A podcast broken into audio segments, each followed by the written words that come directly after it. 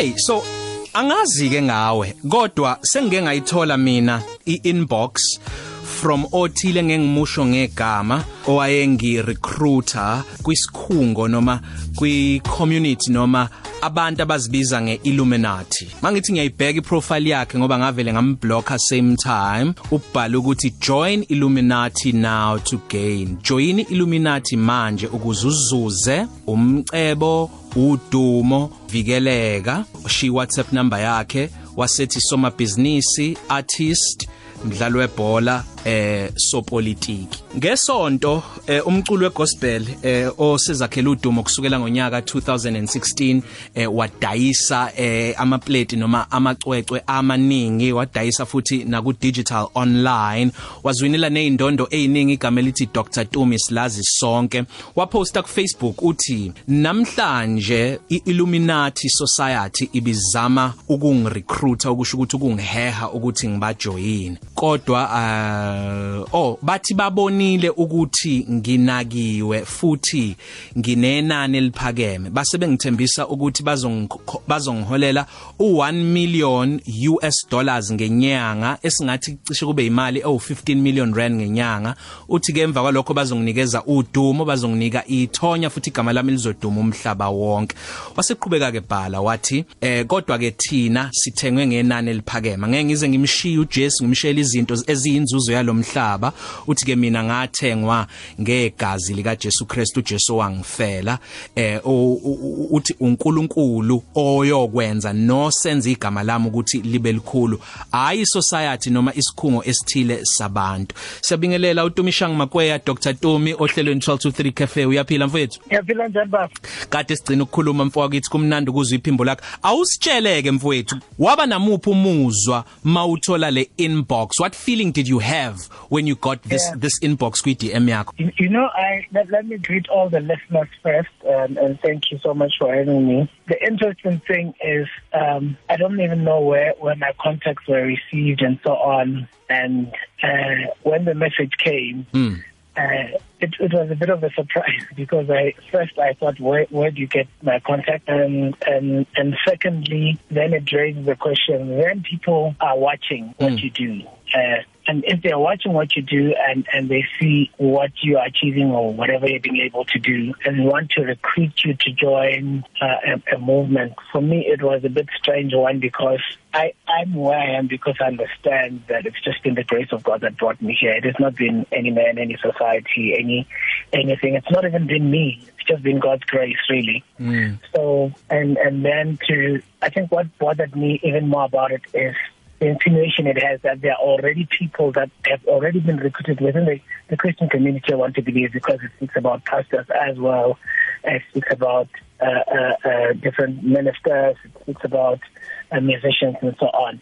Mm. So obviously it's something that is is not done only to me. I'm sure that people have received it as well. It was my first time getting that experience, and I think that was my shock about it. That uh, oh, this this really exists to the point where they reach out to people and woo you in with money because because if you really think about it, a, a million dollars a month is quite a bit of money. It's, it's, well, it's about 14.6 million now with, with the rate of mm. change. Awungiphi umzuzu ngichazela umlaleli Dr Tumi uyachaza ukuthi okokuqala nje wathuka ngoba ezibuza ukuthi bayitholephi inombolo yakhe. Okwesibili wathi kwakwasa ngokunye ukuthi kanti uma uya ngokuya uqhubeka kubonakala ukuthi unyuka izitebhisi zempumelelo kunabantu abakunakile.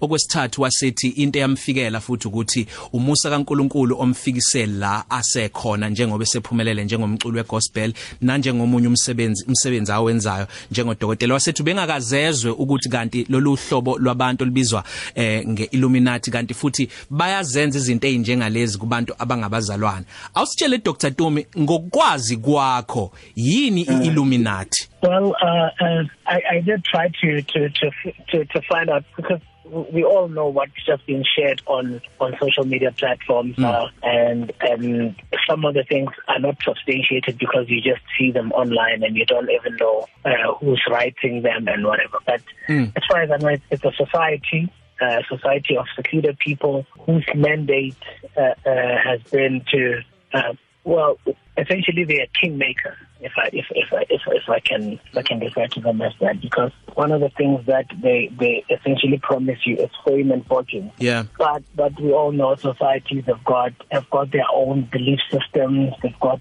uh, uh, their own culture, and and for the most part, most societies that uh, woo people from uh, the gospel, they woo them to different things, and uh, in in certain instances, they work as cows and so on. So. Mm.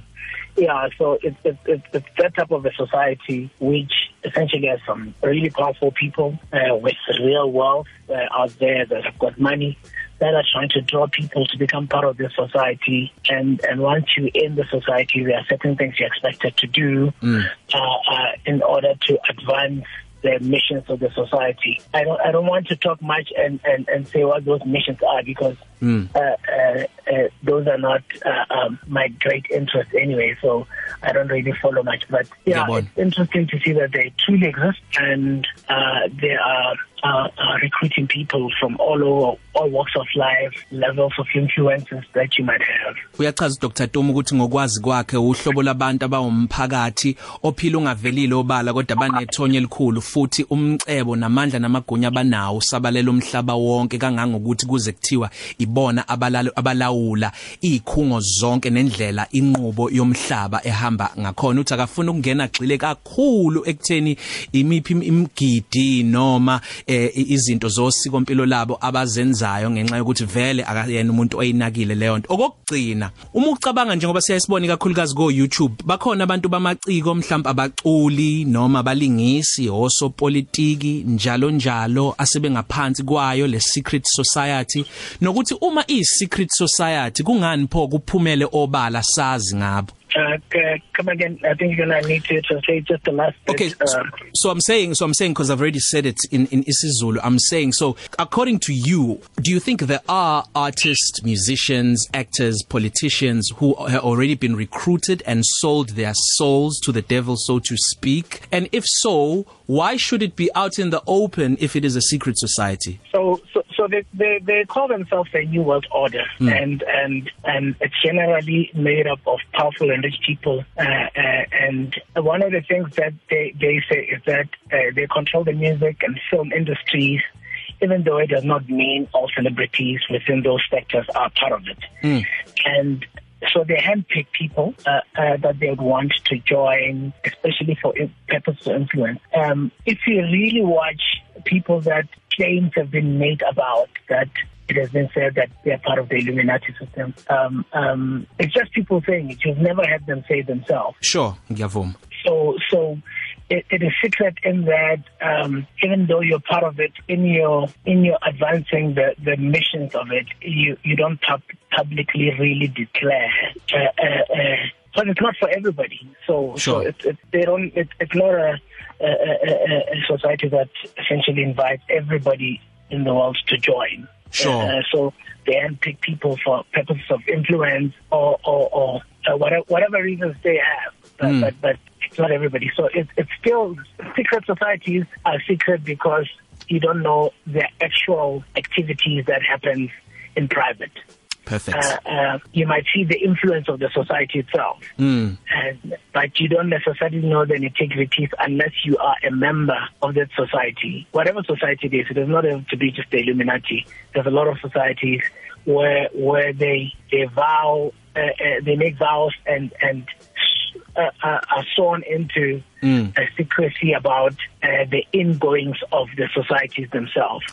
So, so if if if there's any uh, sacrifices that need to be made, or this or this, or some something that needs to be put in place to to make the society work, you don't know the finer details because they're not okay. really explained. That's all the time we have. I'm a brother Domishang Magwe, as Dr. Domi. Thank you so much, and just for just making it clear um, uh, in relation to the post that you made on Sunday night. Thank you so much. Awesome, and and, and one thing to also make clear. uh, uh, being recruited uh, uh, it's not it's not anything I'd ever consider. Okay, all right. Thank you so much man. Awesome. Thank you. Uchazile uDr Tomi ukuthi ngolwazi lwakhe ngoba umbuzo ubuthi